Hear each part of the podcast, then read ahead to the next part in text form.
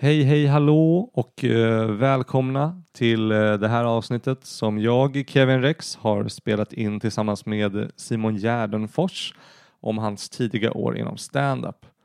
Är ni eh, fans av Simon så får jag väl bara passa på att säga välkomna och eh, grattis till god komedisk smak. Är ni fans utav mig så kan jag lova att ni kommer njuta utav Simon, ty han är en mycket, mycket rolig man. Eh, vi pratar om lite allt möjligt som har med stand-up att göra. Eh, Simon delar med sig av lite sköna stories och eh, också lite handfasta tips om man är intresserad av det. Och om man är extra intresserad utav vad jag och Simon har att säga så finns det ett eh, Patreon-exklusivt avsnitt med eh, 52 minuter extra material som man får tillgång till för ynka 2 dollars på patreon.com orkester. Jag säger det igen. Patreon.com orkester. Och om ni är här för första gången så skulle jag också vilja ta tillfället i akt att um, passa på att tipsa om ett, uh, ett bra avsnitt som jag och min kompanjon Jakob Stålberg har spelat in tidigare. Och eh, om ni är intresserade av att lyssna på det så skulle jag rekommendera att ni lyssnar på avsnitt 40 ifrån Kevins personliga utveckling här i samma feed.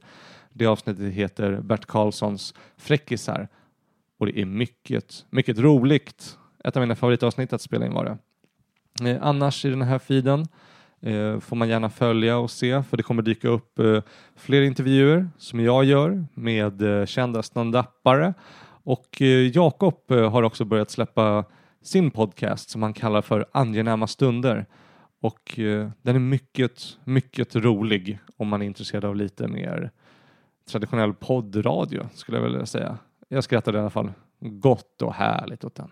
Tyckte den var fantastisk. Och sen kommer vi, jag och Jakob, såklart att fortsätta podda eh, som Kevins personliga utveckling. Och man får också gärna följa mig på Instagram. Kevin Rex heter jag både där och i verkligheten och mitt handle är Spacequinn. Spacequinn kan man söka på. Um, annars så får man väl eh, följa Simon Gärdenfors. Uh, på hans Instagram så heter han atGardenfors. AtGardenfors på Instagram.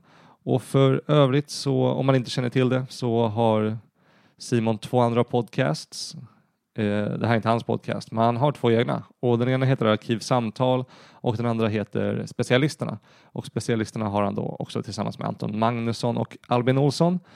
Eh, Simon har en turné nu till hösten tillsammans med Anton Magnusson som heter Stad och land och i framtiden så kommer han också att släppa en film som heter Mina problem. Så glöm inte följa honom, glöm inte följa mig, eh, gå in på Patreon, bli Patreons för två ynka dollars och sen hoppas jag att ni verkligen, verkligen tycker om det här avsnittet.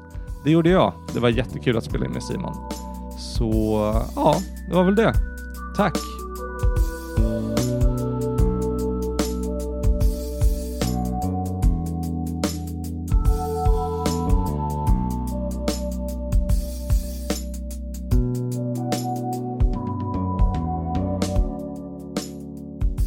Yes, men då, eh, då kör vi igång då.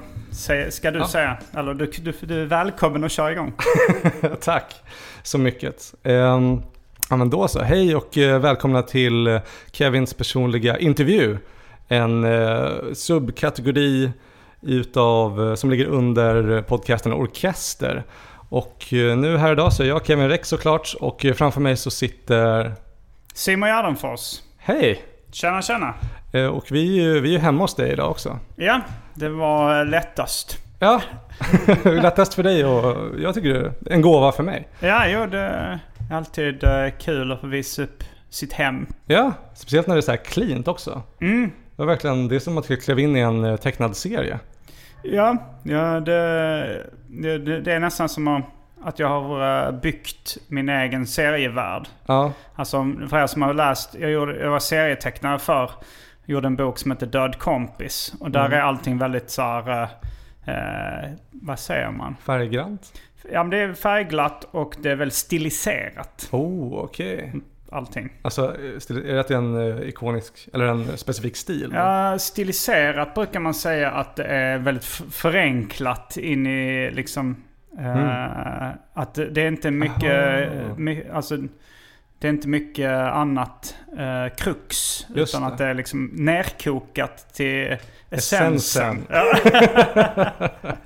ja, perfekt. Coolt. Så lärde jag mig någonting nytt.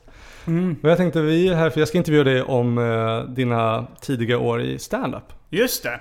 Det är en poddserie du håller på med va? Ja, nu du är min andra gäst. Jag hade ju Johannes eh, Bränning mm. intervjuade för några veckor sedan. Har avsnittet släppts? Inte än, men jag ska släppa den ikväll. Okej, okay, då ser jag fram emot Jag tänkte faktiskt att jag skulle lyssna på den. Ja, ah, nice. Mm. Vi, um, min poddkamrat Jakob uh, Stålberg, han uh, hade ansvar att starta vår Patreon-sida. Mm. Och den startar ikväll och då ska vi... Om, okay. För vi hade ju den här podden... så det är bakom betalvägg, det avsnittet? Halva avsnittet. Okej, okay, ja. Johannes är också väldigt givmild, så han spelade in, vi spelade in i två timmar. Så en timme ligger i feeden och en, en timme ligger bakom betalvägg. Mm, Okej. Okay. Är det mer... Uh... Mm? Är det mer uh, hemliga saker bakom betalväggen? Ja, det är där vi avslöjar alla hemligheter om, mm. om branschen och vilka vi hatar och älskar. Ja, cool. Etc. Eh, men, så jag tänkte kolla med dig om du har tid också att spela in ett Patreon ja, Absolut. Jag, eh, jag har avsett hela dagen för det här. Ja. Nej, förutom att jag ska köra på Big Ben ikväll. Ja, ah, nice. Mm. Ska du också köra? Nej, inte ikväll. Men. Jag är mitt uppe i flyttveckan nu. Mm. Så jag är hemma och packar och uh, tar hand om en sjuk flickvän. Okej. Okay. Så det är lite mycket att stå i. För... Vilken uh, sjukdom? Uh, tjejhosta. Okej. Okay. Aids som det också kallas. På gatan.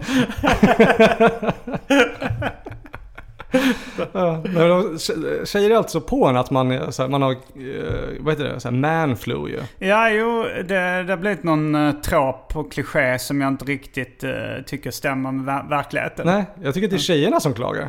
Jag tycker det är lika för alla. Diplomatiskt Lika svar. förkylning, lika för lika arbete. Ja, jo, men det mm. var bra sagt. Mm. Där hade du någonting. Men jag, just det, jag ska introducera dig då. Lite ja. snabbt om det är okej att jag gör det. Det, det är alltid spännande att höra vad folk har för bild av För som jag uppfattat dig, då, du är en, du är en serietecknare som du redan har avslöjat. Uh, jag skulle nog säga på uh, alltså att det ligger på is Just så att säga, mitt serietecknande. Men du är inte pensionerad? Jag, jag, kan inte lova att jag aldrig någonsin kommer teckna en serie igen. Nej. Mm. Men inte lika passionerad? Uh, nej, nej, det är väl snarare att uh, jag prioriterar andra grejer för tillfället. Mm. Men jag håller på med en film om serietecknare. Om serietecknare också? Är det mm, den min... handlar om eh, min tid, eller det handlar om att jag återvänder till serietecknandet. Alltså Mina Problem-filmen du gör? Ja. Aha, mm. wow. Jag visste inte att det var det som var storyn. Nej, uh, men... Uh, så jag har faktiskt tecknat några serierutor som rekvisita till den filmen hyfsat ah, nyligen. Coolt. Uh, så jag ljög lite där så att, jag, ah. att det ligger helt på is. Just det, just det. Just det. Men ja, vi samma, inte, inte pensionerad men heller inte lika passionerad. Nej. Ehm, och sen ja, filmskapare då, som du också avslöjade nu. Ja. Ehm, det var ingen hemlighet men det kommer fram ändå. Jag har väldigt få hemligheter. skönt. ja. Gud vad skönt att leva så. Ehm, det gör nog jag med. Men eh, sen är du också eh, rappare. Ja. Mm, det ligger också lite halvt på is skulle jag säga. Ja. Det var rätt länge sedan jag spelade in en låt, släppte en låt och eller uppträdde ja. som rappare. Men jag tror det var så jag fick uh, reda på dig först. Mm. Jag, jag, tror att, jag, det här kanske bara är min fördom om dig, men jag, uh, jag tänker att din största målgrupp, speciellt när du rappade, var uh, eh, 90-talister. Kanske det. Alltså eh, vi, släppte ju liksom några låtar med Las Palmas redan på eh, tidigt 00-talet. tror liksom vi började få en liten uh, hype där kring 2002. Ja. Så det känns som att 90-talisterna kanske var lite för små då. Ja, men sen hakade de kanske på mer på Far och Son Exakt. och sånt där. Det var där jag upptäckte mm. dig under Far och Son-tiden. Ja. Liksom. Sen, jag tror att jag var och såg er någonstans. Jag vet att jag sett dig rappa någon gång. Men jag kommer mm. inte ihåg exakt var. Nej. Spelar ingen roll. Men eh, sen var det coolt att, när jag upptäckte att du också är standup-komiker. Okej, okay, när du upptäckte du det? För jag började med standup eh, liksom efter jag börjat rappa. Mm. Uh, Just det. Så ja, men ja, jag är lite allt möjligt. Ja, verkligen. Nej, men jag upptäckte att du var standup-komiker tror jag. Min eh, kompis som jag gör den här podden mm. med i vanliga fall, Jakob. Ja. Han, eh, han gick skitmycket på standup 2018. Mm. Och då eh, såg jag dig uppträda på den här jäkla, eh, vilka var, den klubben som jag tror Atto, Sandra Ilar och Daniel Sanchez hade på PSB. Humorkällaren. Ja, exakt. Mm. Där, var jag, där såg jag det någon gång. Okej, okay. Och Jakob påstår att jag såg ditt debutgig. 2018? Nej, det var tidigare. Eh, på Norra Brunn var mitt uh, debut stand-up gig. Okay. Uh, Bungee Comedy februari 2013. Ja, så tidigt? Mm. Ja, då är du, firar du tio år i år. Ja, det är jag. Grattis. Tack. Det gör Jonas Strandberg också, eller hur? Uh, ja, vi började ungefär samtidigt. Han började lite, alltså... Jag vet inte när han räknar sig som att han började eller liksom hans show har premiär kanske när han har ja, 10-årsjubileum. Men jag eh, började februari 2013. Vilket jag kommer ihåg eftersom jag nämner det i raplåten eh, Vesslan. Ja. Just det, som, eh, som en, introlåten på din eh, stand-up special. Ja, stand-up specialen Västland. Och ja. jag började med stand-up februari 2013. så då har det etsat sig. Annars har jag rätt dåligt sifferminne. Men bra minne i övrigt. Ja, just det. Alltså jag minns inte så mycket datum och siffror och sånt där. Nej, men för jag tror att jag... Jakob påstod att vi såg det på Bonden bar då. Kring 13 måste det ha varit. Mm. Det gjorde mycket gig 13. Ja. Men uh, Bonden bar var inte, mm. inte ett av mina topp 10 första gigens. Nej, då, så, då ljuger Jakob. Jag har, jag har en lista över alla mina gig. Just det. Alla mina över 1500 gig. uh, Uppdaterar du den fortfarande? Vad sa du? Ja, jag gör det varje, alltså, varje, varje morgon när jag vaknar uh, oh, wow. och har gjort ett gig dagen innan så skriver mm. jag upp det i listan. Det, det är faktiskt någonting jag ser fram emot att göra. Det är lite så här mysigt, eh, kompletistiskt samlarbeteende. Liksom. Just det, just det. Ja, du bara samlar in sen och gör dig redo för dagen. Mm. Coolt. Ja men, det, ja men det har du ju pratat om i en miljard poddar, just ditt, eh, ditt OCD-ande. Ja, och uh, alla de här rutinerna inte, du har. Ja, jag vet inte riktigt vad det är för fel eller rätt på mig. Men uh, lite lätt autistisk uh, påstår i alla fall min fru att jag är. Mm. Och hon borde väl känna mig rätt bra. Förhoppningsvis bäst. och även Anton som han säger också att jag är lite lätt autistisk. Ja. Så ja, och de, de, är kanske, ja, de känner mig bra. Jag har inte hört någon i min familj säga att jag är lite lätt autistisk. Nej. Men... De kanske också är det. Kanske. Jag funderade faktiskt på det tidigare idag. Om min ja. fassa är lite lätt autistisk. Jag insåg att min pappa var lite lätt autistisk mm, härom mm. veckan bara. Ja. Så det är någonting med det. För han var också så här, men, seriesamlare och gillade att bygga sådana här Warhammer-figurer. Mm, mm. Det...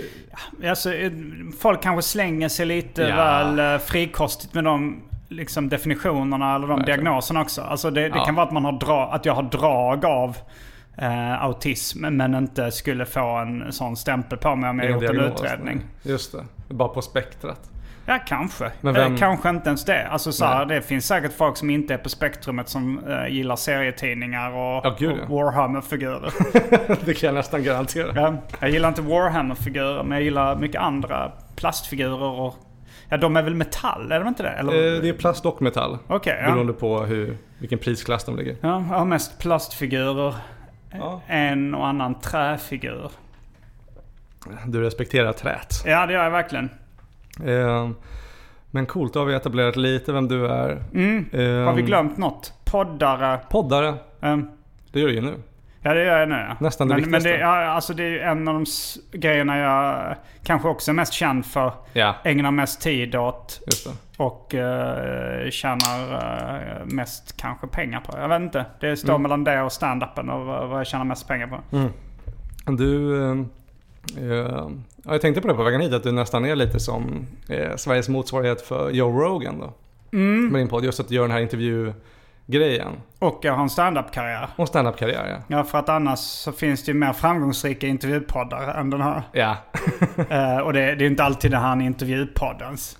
Nej, det är sant. Ja, men det kanske inte Joe Rogan är heller. De snackar ofta kanske om något ämne eller Ja, eller bara tar in en intressant gäst och snackar lite liksom. Ja. Okay. Ja, det är bara jag som har okunskap kring Joe Rogan då.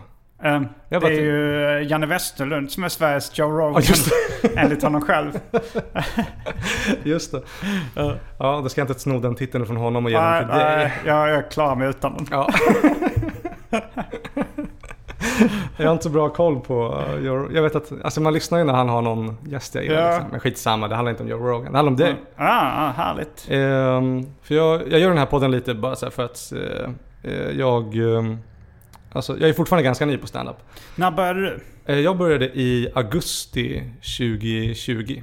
Okay. Så, så du är snart tre år in? Snart tre år in. Mm. Så fortfarande ganska ny liksom. Ja. Men inte purfärsk. Nej, inte heter. fresh off the boat. Nej, jag, jag, har, jag är en gurka men jag börjar få lite färg. Mm. väldigt konstig liknelse. Ja, Eller metafor till och med. Tack. um, du är grön. Som i och för sig är en färg. Ja. Ja. nu fatt, jag fattade att det var grön du syftade på. Ja. Mm.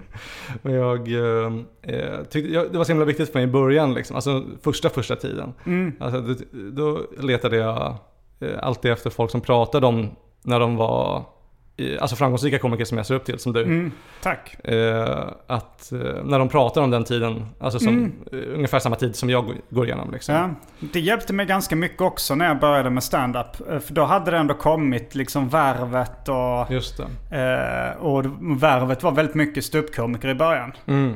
Och, och, det var där liksom också jag fick lite ja, men tips och sådär på hur man kunde göra. Och jag läste också Jerry Seinfeld, en biografi om Jerry Seinfeld. Mm. Där man också fick reda på, okej okay, det är så här det går till när man ja. blir ståuppkomiker. Just det. Det var jätteintressant. Det var mm. för, det, det, den boken kan vara en väldigt stor pusselbit till varför jag började med standup. Ja, är det den Sign Language? Nej, Nej, Sign Language det är mer en samling av hans ståupprutiner. Den mm. uh, tidiga ståupprutiner. Uh, men uh, Jerry Oppenheimer heter liksom en biograf då som har gjort, jag tror han har även gjort, uh, uh, ja men makarna mm -hmm. Clintons biografi och skrivit om. Och så skrev mm -hmm. han då en oauktoriserad biografi över uh, Jerry Seinfeld. Mm -hmm. Där, men, men det är ju lite roligare att läsa de oauktoriserade biografierna för då tar de mer, mer smuts liksom. Just det. Ja, just det. Att de inte går igenom det här filtret av... Nej, men jag vet inte om Jerry Seinfeld hade tagit upp att han dejtade en... 16-åring? 17-åring? Var det 16 eller 17-åring när han var 39? Just det. Det hade han kanske mörkat i sin officiella personliga självbiografi. Bara nämnt i förbifarten. Jag tror inte ens han hade nämnt det överhuvudtaget. Som, uh, ja men jag läste, vad heter han nu igen? Rodney Dangerfields självbiografi. Ja. Där mörkar han sin tid som bedragare. Var han bedragare? Han, han var bedragare, satt till och med i fängelse. Men det nämnde han ingenting om i sin självbiografi. Det är sant. För det var så han lurade eh, änkor till krigsveteraner och sånt där. så det var inte den mest ärofulla kriminaliteten han sysslade med. Verkligen inte. Sjukt omoraliskt. Men det läste jag i boken Comedians, att han hade på med det. Ja, ah, okej. Okay. Coolt. Men uh, vad heter den där boken om, uh, som Jerry Oppenheimer hade skrivit om? Uh, Seinfeld? Jag tror den heter Jerry Seinfeld eller något sånt där. Ah, okay. Det, den är nog rätt lätt att googla fram men ganska svår att få tag på. Jag lånade den på Judiska biblioteket här i Stockholm. Oh, wow. Vilket jag hörde att även uh, Fredrik Wikingsson hade lånat den där. Han sa det mm. i någon podd. Att, ah, okay. att den är, för den finns inte på vanliga bibliotek av någon anledning. Hmm. Nej, jag eh, går väl bara och köper den tänker jag. På internet. Jag tror inte det går att köpa. Inte ens på internet? Nej. Aha. Alltså nu vet jag inte men när jag letade efter den så fanns den inte att köpa där. Ja, ja då blir det till att konvertera den. Ja, ja, jag tror det är öppet för alla. Ja, jag misstänkte det. Ja. Jag är bara sugen på att konvertera. du behövde bara en anledning. Exakt. du ville låna Jerry Seinfelds bok. Så tar vi för direkt. Alltså. Du, du visar ditt medlemskort i judiska församlingen. De säger det, det, det behövs inte, alla får låna här. Så jag har konverterat helt i onödan. Åh oh, nej. Fan.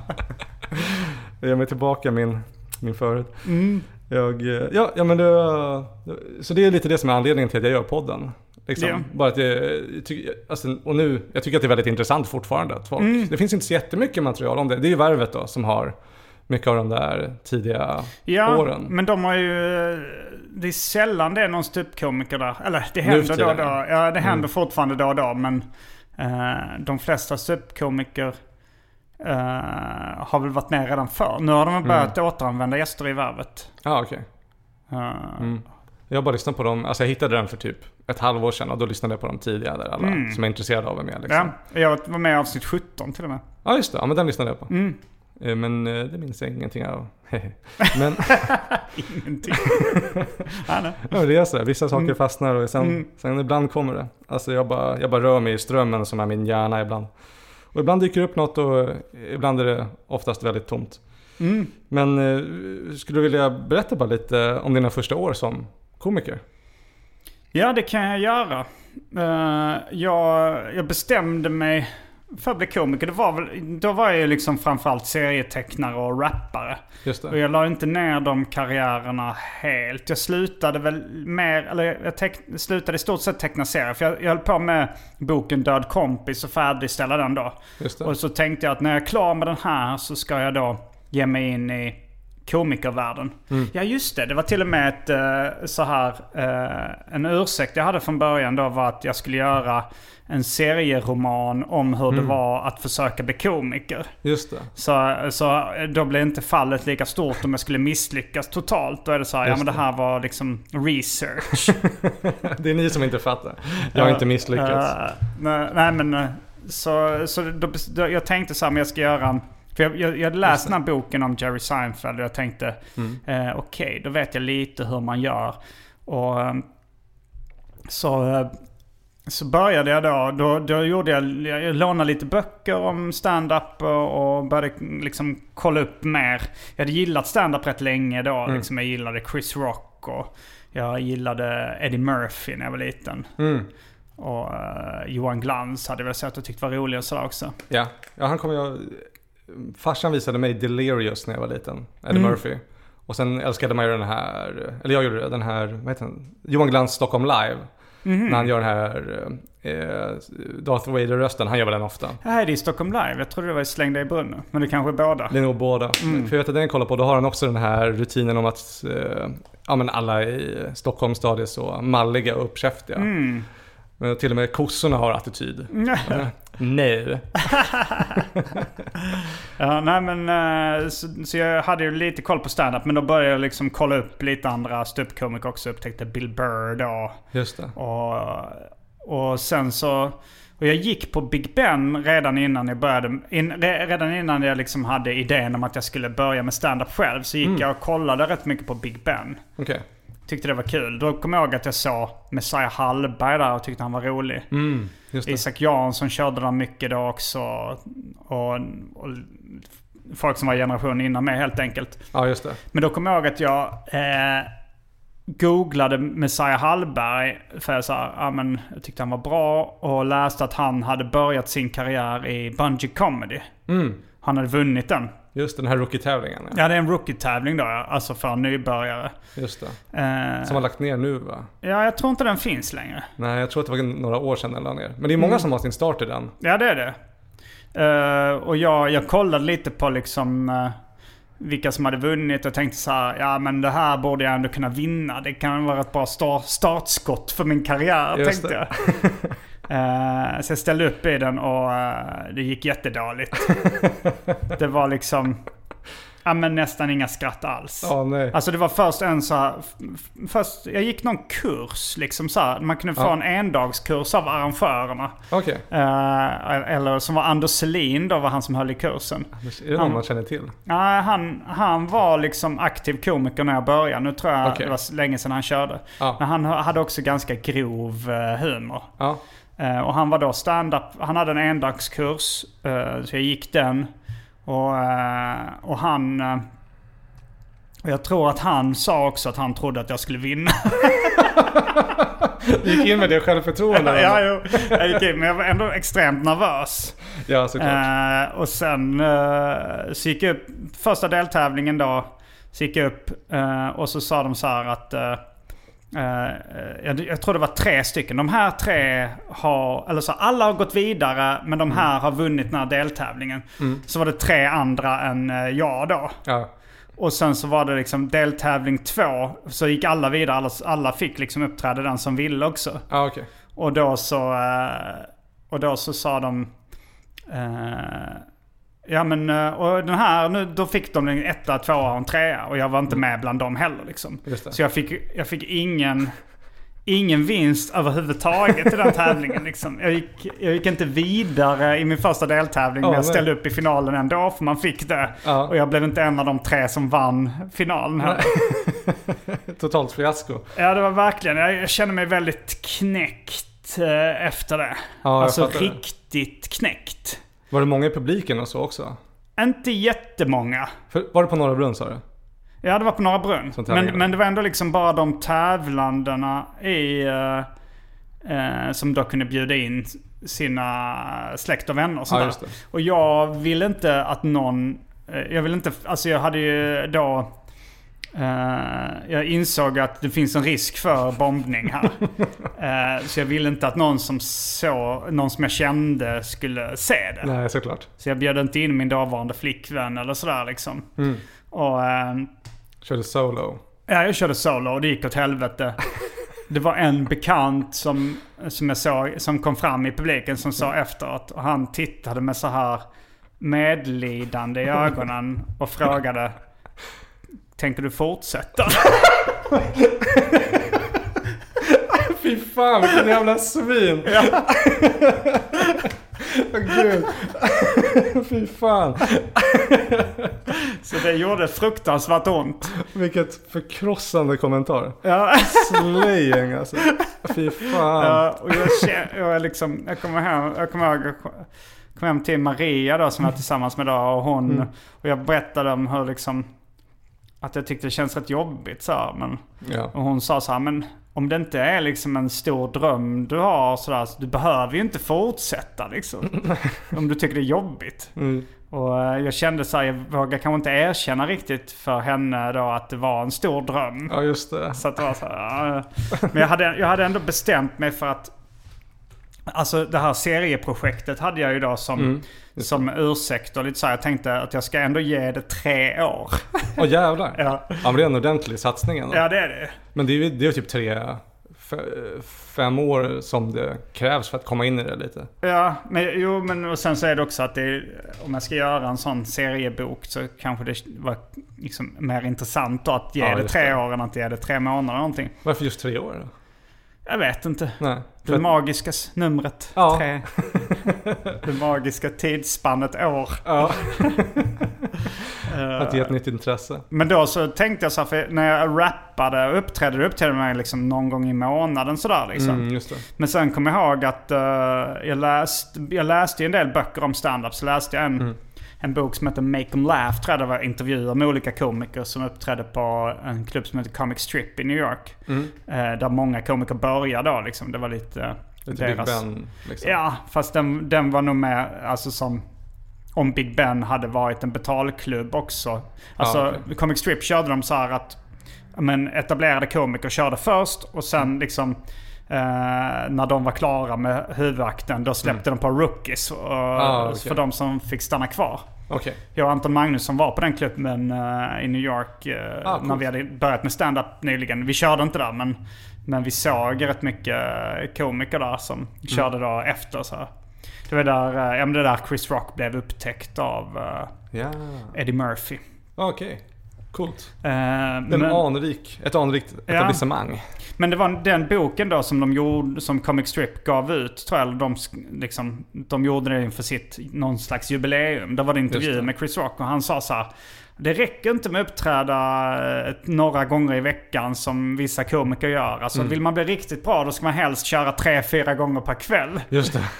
och, eh, och då inser jag att nej, jag kan ju inte behandla det här som rap. Nej. Liksom. Jag måste köra så ofta jag kan. Mm. Uh, så jag kände ju redan till Big Ben innan. Mm.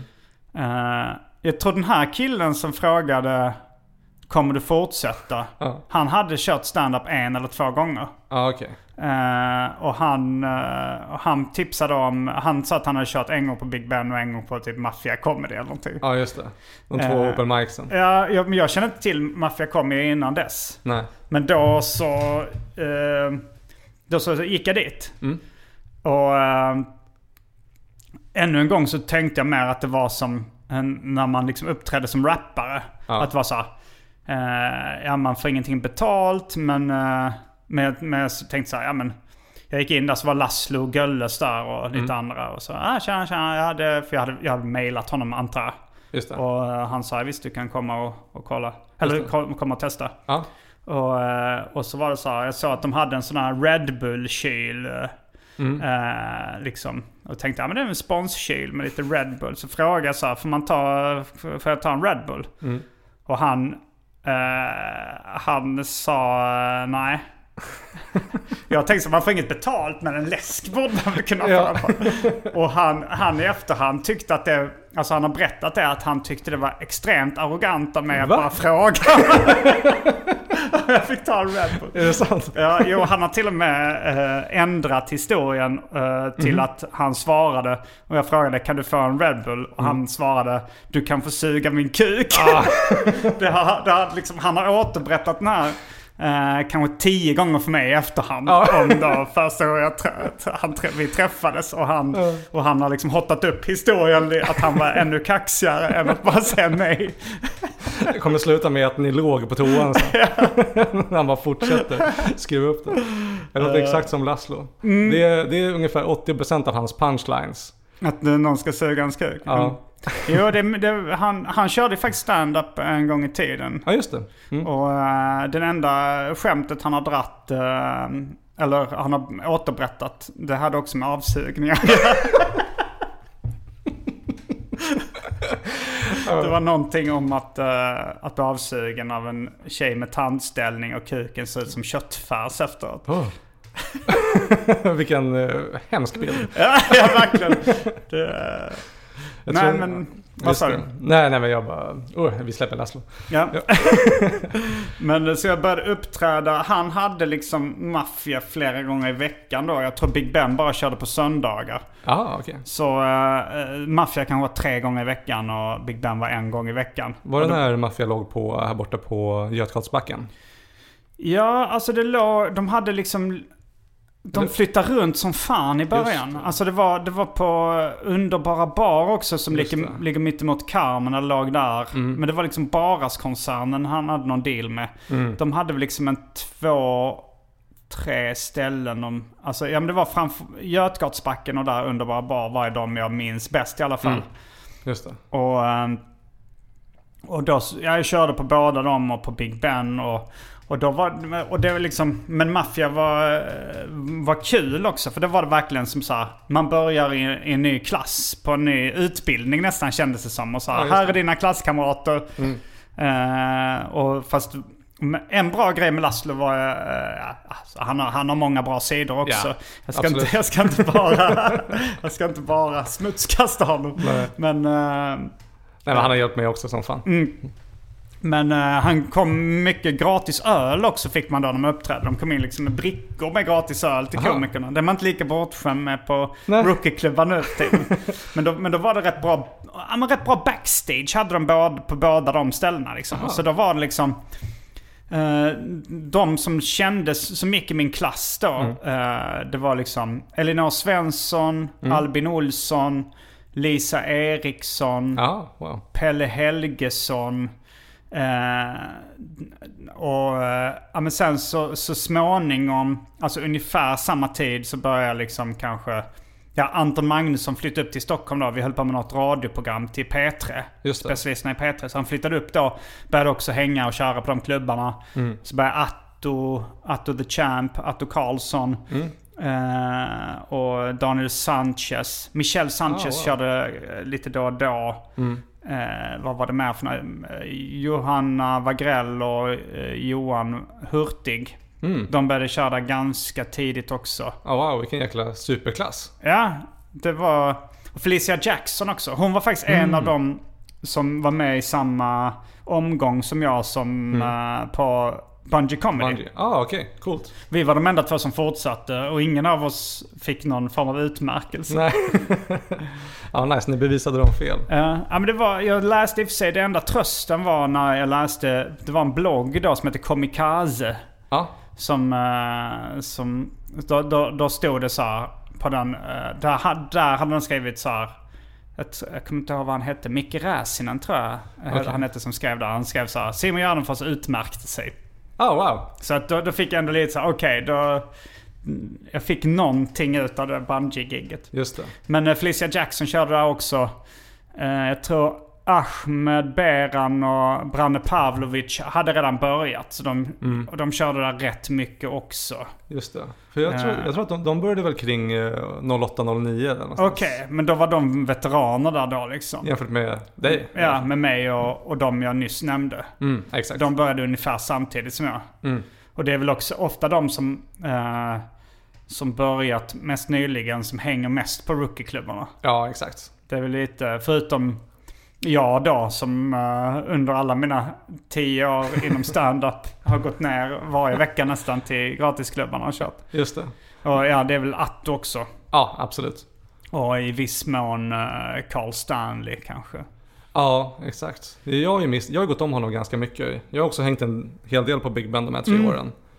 Men jag tror jag bara sett Carl typ två, tre gånger där nere. Mm. Och det är ju inte för att han är där nere så sällan, utan för att vi har olika scheman uppenbarligen. Okej, okay. har du träffat Bettner oftare? För han, kör ju, han är väl en mm. av dem liksom som har hållit på längst, som mm. kör mest liksom. Som också går ner hyfsat ofta till gratisklubbar. Mm. När men, han inte är på turné. Men han har jag, jag tror aldrig sett honom på Big Ben. Nej, jag har sett honom flera gånger på Big Ben. Ja, ja men fan, han är ju där. Ja, ja. Jag tror att han bara... Jag tror att han är där. Fredrik Andersson får vi inte glömma heller. Nej. Han är också... Han körde även på den, alltså hyfsat ofta då i början när jag körde på Mafia. Och han, mm. Han höll på länge och kör fortfarande väldigt mycket. Ja, han har jag sett jättemånga gånger på, mm. på Big Ben. Ja. Så det, är, det är ändå nice att det kommer så många dit liksom. Mm. Men för där har ju du också varit, du har ju varit en stor, alltså, jag vet inte, det här kanske bara är av min erfarenhet då. Men alltså mm. du har ju varit mycket som en eh, standupens gudfader. Mm. Nere på Big Ben. Som att du är där så ofta. Och du har alltid liksom, jag tycker att du är väldigt grundad och eh, jordnära. Ja. många man träffar som kan vara lite så, eh, alltså inte dryga, man fattar ju att många är dryga mot rookies också. För mm. man, man ser ju en miljon komma och gå ja. genom alla åren liksom. Men du har alltid haft ett eh, vänligt ord och eh, ett öga liksom för, mm. för en. Medan andra kan vara lite avfärdande så är du väldigt närvarande och säger hej. Ja, ja men liksom. tack så mycket. Ja, tack ja, själv. Äh, det har betytt mycket. Bränning var, var, väl, alltså honom, han dök upp typ ett år efter mig. Ah. Okay. Men han är väl också rätt mycket sån... Jag antar att Absolut. du sa samma sak Det gjorde jag faktiskt inte. nej, han, var, han är ju trevlig men jag tror att det, det, tog ändå två år innan han fattade att jag är här. Liksom. Jaha, ja. Jo, nej men uh, det, det, är jag glad över att jag... Uh, att jag kan vara trevlig mot... Alltså jag får ibland kritik om att jag inte är så proffstrevlig eller, eller liksom... Proffstrevlig? Ja men, eh, jo proffstrevlig eftersom det här är min yrke. Men, men låt mm. oss säga att eh, vi är, vi är på en släktmiddag eller träffar liksom mm. eh, en partners kompisar eller sådär. Mm. Eh, då, eh, då har jag ibland, eller liksom butikspersonal eller sådär. Jag får mm. ibland kritik över att jag är för dålig på att fejka. trevlighet. Att jag är för dålig på att fejka trevlighet ja. ja. just det. Men grejen är att uh, det är väl då att jag gillar komiker och yeah. folk som är roliga. Det, det snackade så Jerry Seinfeld om också, att det var den enda gruppen människor han gillade. Ja. Han är nog liksom ganska känslokall i övrigt, men han bryr ja. sig väldigt mycket av komiker. Just det. Så då behöver jag inte ens fejka trevlighet, utan jag liksom gillar, jag gillar komiker och gillar ja, folk som är roliga liksom. Ja, ja men det jag menar, det märks mm. att du inte fejkar det. Mm. Liksom, har jag också tänkt. Och det har bara varit jävligt skönt då. Alltså det känns ju, för mig kändes det i alla fall som att jag verkligen hade eh, en plats att vara på. Jag känner mig välkommen mm. på grund av att du är så trevlig. Ja, fan vad härligt att höra. Nej, men jag, fatt, jag tyckte det betydde mycket själv också när det var liksom mer erfarna komiker som var trevliga. Mm. Kanske gav en komplimang för något skämt eller sådär. Liksom, som, för man är ju extremt utsatt och osäker i början. Liksom.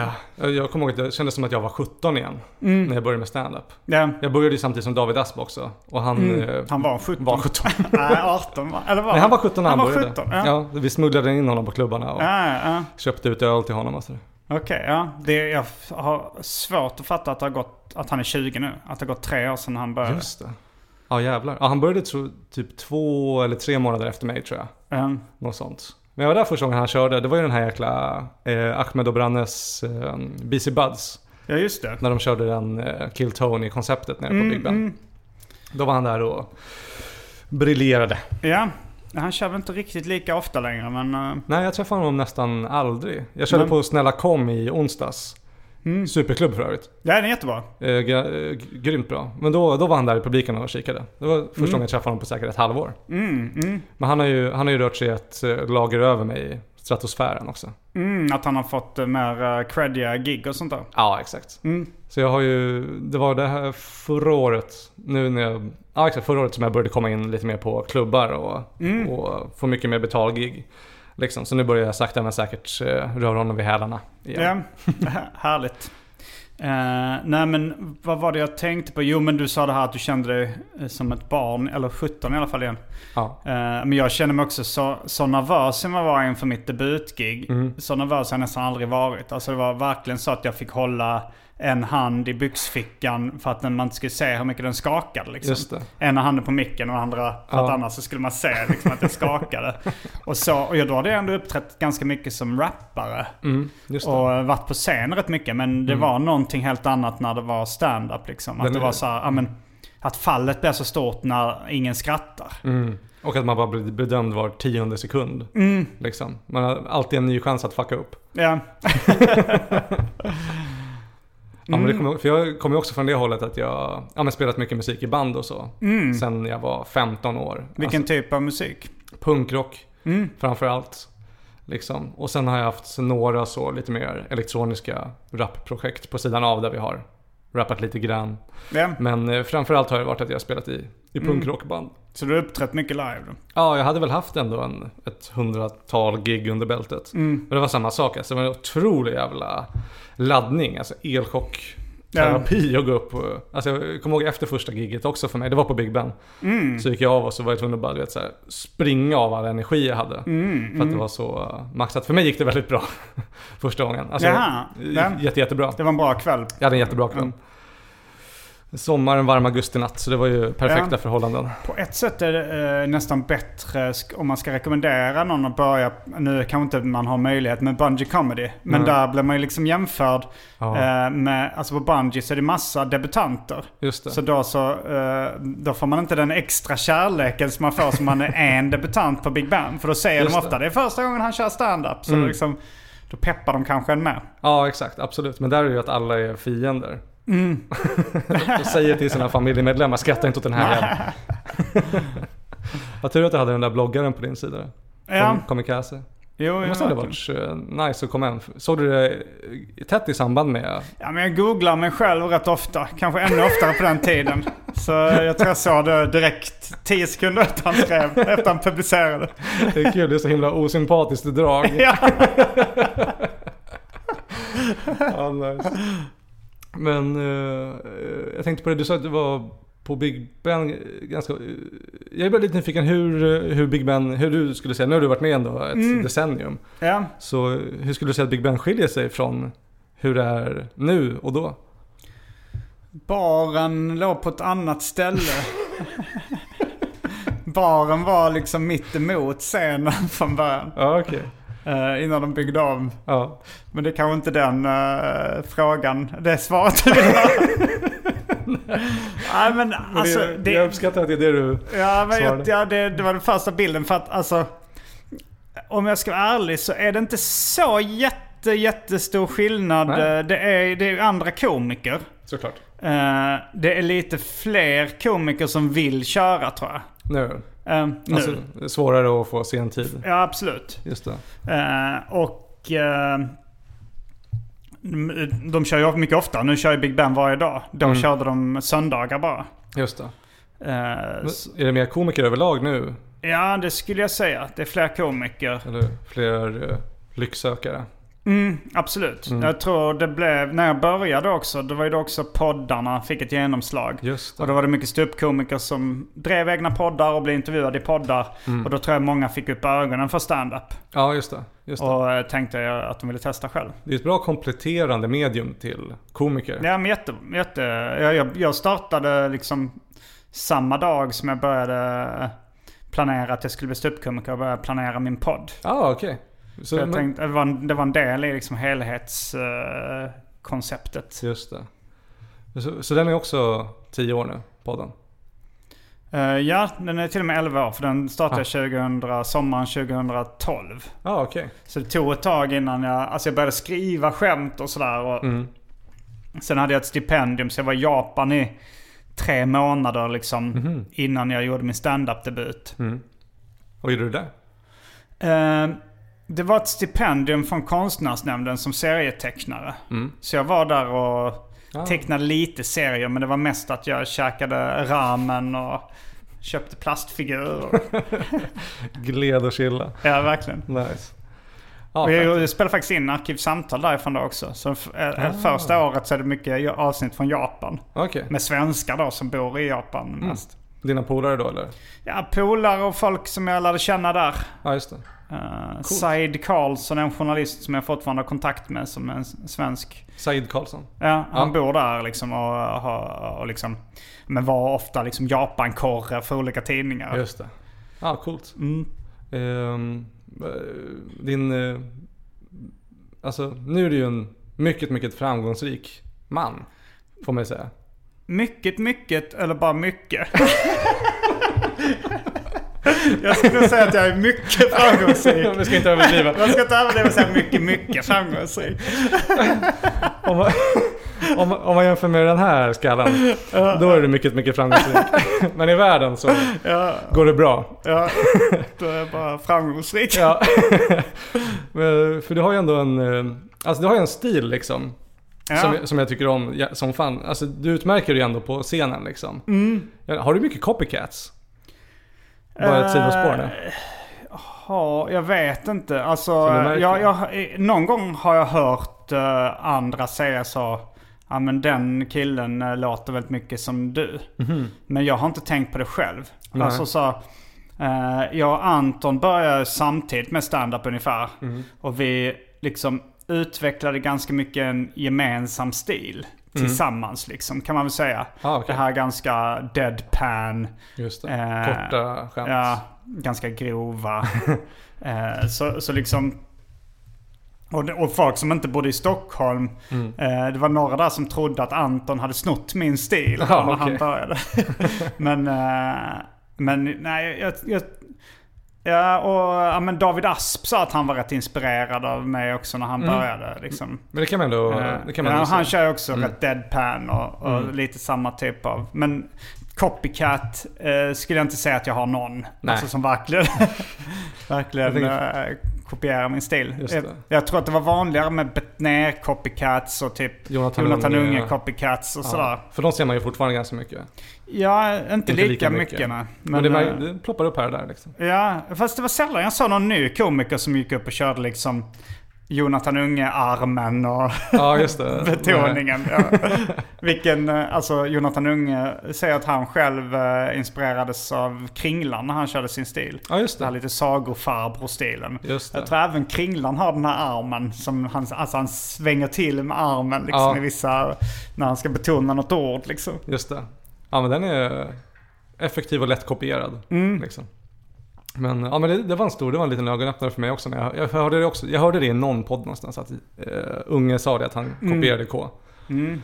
Och då är det väl... Uh, här Kringlan tror jag, det är kanske han som uppfann stilen då. Ja, ja men han är en... Uh, ja. Men just det här också, uh, som, det är kanske Jon, var Jonathans uppfinning då. Att han vände sig om och började peta på duken, duken bakom ja, eller något sånt där. Som, det har man sett folk kopiera också. Ja, titt som tätt. Mm. Här och där.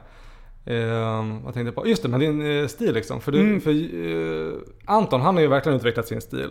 Alltså mm. han kör ju lite mer så längre rutiner nu och att det är lite, mm. lite eh, påminner ganska mycket om Norm MacDonald. Mm. Inte på ett copycat-sätt men bara Nej. åt det hållet att det är lite mer, det är som du vet man kanske eh, man går iväg på så små tangents och sidospår ofta. Ja, just och sen det. går tillbaka in. Det gör ju Norm MacDonald hela tiden. Mm. Ehm, men du inte längre. Inte längre. Bara i uh. våra kära minnen. Uh. Och på YouTube.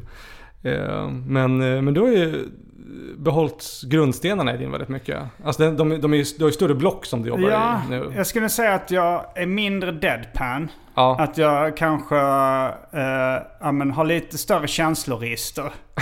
alltså så ja. ser lite gladare ut ibland. Uh, skrattar, skrattar med lite mer. Uh, lite mer publikinteraktion också. Mm. Uh, men... Uh, ja men annars är det samma. är det någonting du, alltså... så var det från början, början. Från början försökte jag nog mest med one-liners. Ja. Utan något sammanhang också. Okej. Okay. Uh, bara rada upp dem på varandra? Ja, bara. Men sen uh, så, så, sa Anton så här, testa och liksom och lägga in lite klister i dem så att säga. Bara mm. köra kör några övergångar mellan dem. Alltså det kunde vara så att om man hade ett skämt om, om kaffe och sen mm. hade ett skämt om uh, om... om uh... Kaffefilter. då kunde jag inte hitta någon övergång där. Men om jag hade ett skämt om kaffe och grisar så är det så här, Just det. Uh, ja, då kanske jag bara hittar på något sånt. Ja, apropå mat och dryck. Uh, grisar ja, uh, är ju mat. Mm. Och sen hade jag mitt... Det är så himla löst. Nästan bättre att bara skita i Jag tycker det är en rolig övergång. Det är roligt. Anyway, här är en övergång. Grisar är ju mat. Så att man främst ser som mat. Ja, just det. Ja, det är bra. Och att kaffe bara är en dryck. Men att man delar in i kategorin mat och dryck. Vet du vad som är jättegott i kaffe? Svinkött. Ja, man brukar äta kaffe, dricka, dricka kaffe till griskött. Ja. Det blir bara konstigare och konstigare. Nej men så jag la, la in lite sådana övergångar. Då märkte jag att det gick bättre. Ja det gör det ju. Det kan ju vara att det var mitt så fjärde eller femte gig. Att det hade gått bättre i vilket fall som helst. Men jag, ja. jag, jag märkte att det gick bättre när jag körde ja. övergångar liksom. Mm. Uh, och då fortsatte jag med det. Mm. Men jag kör fortfarande uh, typ en minuts skämt i... Uh, alltså så att de är ofta 60 mm. sekunder långa mina skämt. Och sen går jag vidare till nästa skämt med en liten övergång. Just det. Ja, att jag lägger dem... Ibland kan man inte behöva en övergång om, om det ena skämtet är om kaffe och det andra är om kaffefilter. Då kan man gå direkt på skämtet. Då kommer det naturligt. Ja. Det är det alla tänker på efter kaffe. Apropå kaffe. Ja. Kaffe använder man ju filter till. Jag bara tänker dum övergång. Ska Krist. Ja. Nej, det var bara dum alltså. Mm. Eh, sjukt naturlig. Men eh, för jag var lite nyfiken på liksom, att fråga, jag vet inte, för du känns du är så himla, eh, inte mekanisk, det är inte ordet jag letar efter, men liksom Organiserad. Organiserad och liksom, det känns som att du har väldigt bra överblick över allt du gör, liksom, att det blir en väldigt naturlig eh, stegring. Mm. Men för många kan det vara så att liksom, man kör lite så här, testar lite sådär och sen plötsligt kommer man fram till någonting. Mm. Alltså en liten kanske aha-upplevelse eller bara, just Snackar det. du om liksom hur man är på scenen eller, uh, hur, hur, man, är hur man approachar kom. själva hantverket. Ja, okay, ja. Liksom. Mm. Och det kanske bara är min, eh, som jag har fått för mig, men att du liksom har haft en, eh, en, en tegelsten eller liksom en byggsten som du sen bara har lagt på och sen mm. ökat istället för att experimentera. Hur mycket har du experimenterat liksom? Och hur mycket, har din stil ändrat sig från hur du började och uh. var du ligger nu? Ja, nej jag har nog... Alltså jag, jag, jag kommit fram till en rutin som är alltså hur jag skapar mina skämt. Ja. Som jag tycker funkar. Uh, och den har inte förändrats jättemycket utan mm. det är mm. mer att jag kör på. Och det är ju bara så att jag... Uh, jag bestämde mig liksom redan första dagen jag bestämde... Det var nog också via Seinfeld-biografin då. Att han skrev varje dag. Just det. Och jag hade liksom haft lite sådana rutiner som serietecknare innan. Att jag ska, skulle skissa eller tuscha tre rutor per dag. Att jag liksom mm. så eh, det fick jag från liksom David Liljemark som var lite min förebild inom serietecknaren. Men så här, för att mm. få någon rutin på det liksom. Så, så om man gör någonting varje dag så kommer man framåt liksom. Just det. Varje dag också. Martin eh, Kellerman har ju den också. Han hade väl en seriestripp om dagen. Ja, och han hade ju mer liksom som ett jobbbeskrivning att han skulle göra det. Mm. Alltså att det var en dagspressserie liksom. Just det. En dagstripp. Men... Eh, så jag började ju tidigt med att göra så här, Skriva minst ett skämt om dagen. Mm. Oftast bara ett. Mm. Och sen uh, testa dem på någon annan komiker. Mm. Liksom uh, öga mot öga, in, inte inför publik. Och sen testa fram uh, skämt för publik. Då kör jag liksom varje gång jag inte får betalt så, mm. så testar jag minst ett nytt skämt på publiken. Mm. Och bäddar in det liksom i så att säga säkra kort. Just. Skämt som jag vet kommer att funka. Mm. För att uh, då så uh, kan jag jämföra de nya skämten med de gamla. Liksom, hur Just står det. de sig? Plus att jag värmer upp publiken lite med säkra kort. Då, så att de Just. börjar skratta, de börjar gilla en. Vem börjar lyssna liksom. Så att någon ger en ärlig chans till det nya skämtet. Mm. Mm. Plus att jag avslutar ofta med ett säkert kort också för att lämna, mm. äh, lämna publiken med ett gott intryck. Just det. Med känslan av att de vill ha mer. Ja. Men så, äh, så det, det, Och då så, då så testar jag och sen så försöker jag köra minst två gig i veckan. Ja. Ofta tre eller fler. Mm. Äh, men och, så då testade jag fram, då blev det rätt mycket nya skämt och sen så liksom eh, Dagen efter så spelar jag, jag spelar alltid in giggen då på min mobil och mm. så lyssnar jag igenom eh lyssnar igenom det och liksom antecknar hur bra skämten har gått. Och, mm. så, och så samlar jag då nya skämt till en, tills jag har fått en uh, timme ungefär. Eller liksom en special, liksom en show. Mm. Och så kan jag turnera med den. Mm. Och när jag har klar med turnén så kan jag släppa ifrån mig den i, i olika format. Då, så på Spotify och YouTube och, och lite sånt där. Så den, den rutinen har jag kört rätt länge. Men hur jag experimenterat med min stil lite. Alltså publikinteraktion har jag experimenterat lite med. Mm. Eh, den här, det här tricket att låta publiken ställa frågor mm. som jag svarar på har jag kört några gånger också. Okej. Okay. Vad, vad är det? Ja men Känner du till Judah Friedlander? Eh, ja, absolut. Det är han, eh, America is the, det, the greatest country in uh, ja, USA. Han, han, han, kör ju med det konceptet att publiken får ställa frågor till honom och så svarar han med roliga skämt. Ja. Och jag såg även Kristoffer Appelqvist göra det några gånger. Ja.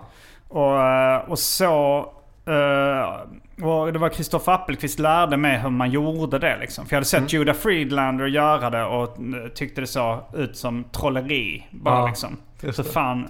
Jag fick också öppna för Judah Friedlander när han körde i Sverige några gig. Och då så ja, var det så Okej, okay, det är samma svar på alla de här frågorna. Ja, uh, men det är olika frågor. Ja. Och så, men, men då är det att man liksom fintar in ett skämt man har. Kristoffer mm. uh, Appelqvists exempel var då att han hade ett skämt om den amerikanska polisen. Mm. Och, men om, och så, om han säger så här, fråga vad ni vill. Och så säger publiken, vilken är din favoritbil? Ja. Och då säger han en specifik bilmodell. Ja. Vilket inte är hans favoritbild. Han ljuger där. Ja. Men det är en del av finten. Han säger den modellen och säger det är faktiskt samma eh, modell som den amerikanska polisen har på sina bilar. Okay. Och så börjar han berätta om det. Och då i, i liksom publikens huvud mm. så har han bara svarat på frågan och sen varit jävligt rolig. Just det. Men de tänker inte på att han egentligen har bara det är, det är lite som att hitta på en övergång väldigt snabbt. Ja, ja exakt. Som vi var inne på nyss. Och så har jag kört lite. Men, och nu mitt publiksnack. Det är inte att publiken ställer frågor utan mer att jag gör en konversation mm. som jag vet vad den ska leda till. Just det. Och så, så, så det har jag liksom experimenterat lite med. Ja, för det har jag sett. Mm. Till exempel ditt eh, eh ADHD-skämt. Ja, det är inte släppt ännu. Nej, jag ska inte Nej. Nej, Men eh, ja, absolut. Mm. Det, det, är exempel på det. Coolt. Att man vet var det ska landa och sen kan det bli lite kul på vägen som... Alltså ibland, eh, ibland kan det ju bli oväntade och ibland är det ju improviserade ja. skämt också som man säger om det är något som händer i publiken eller någon säger någonting konstigt. Men det är sjukt effektivt sätt att få eh, etablera närvaro. Mm. Och eh, jo, man får en viss självförtroende i publiksnacket också. För man vet var det ska landa någonstans. Det ska Just landa det. i ett skämt som får ett skratt. Ja. Jag tror att om folk bara ger sig upp och så här, nu ska jag försöka vara rolig via publiksnack. Mm. Då kan det ibland bara bli att det blir inget kul liksom. Ja, nästan pinsamt. Um. ja men det är ju liksom att, eh, eh, vad heter det så, spatsera på styvelina med skyddsnät. Mm, absolut. Liksom. Man vet att man kommer mm. klara det. Ja. Uh, kan man göra en bakåtvolt på vägen ner.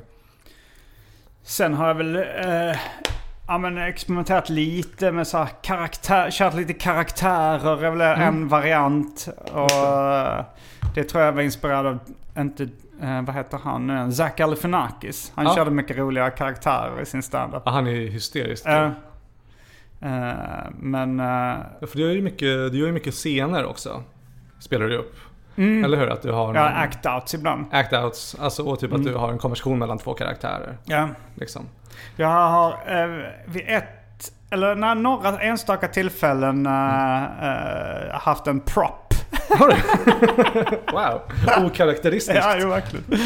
Och det var, ja, det var ganska mycket i början också. Då hade jag en sån här liten eh, nyckelring med ljudeffekter. Ja. Och ett, en av de ljudeffekterna var liksom en publik som skrattade. så om jag inte fick ett skratt så spelade jag upp den ljudeffekten i micken. Det är väldigt kul. Ja. ja, den måste ju ha funkat varje gång. Jo, jo, jo. Jag tänkte att du skulle dra upp en, eh, ett ljud som var en gris. Ja. Och så hade du din övergång. Apropå gris. Ja. Som jag precis tog upp. Ja men det var ju smart ju. Ja.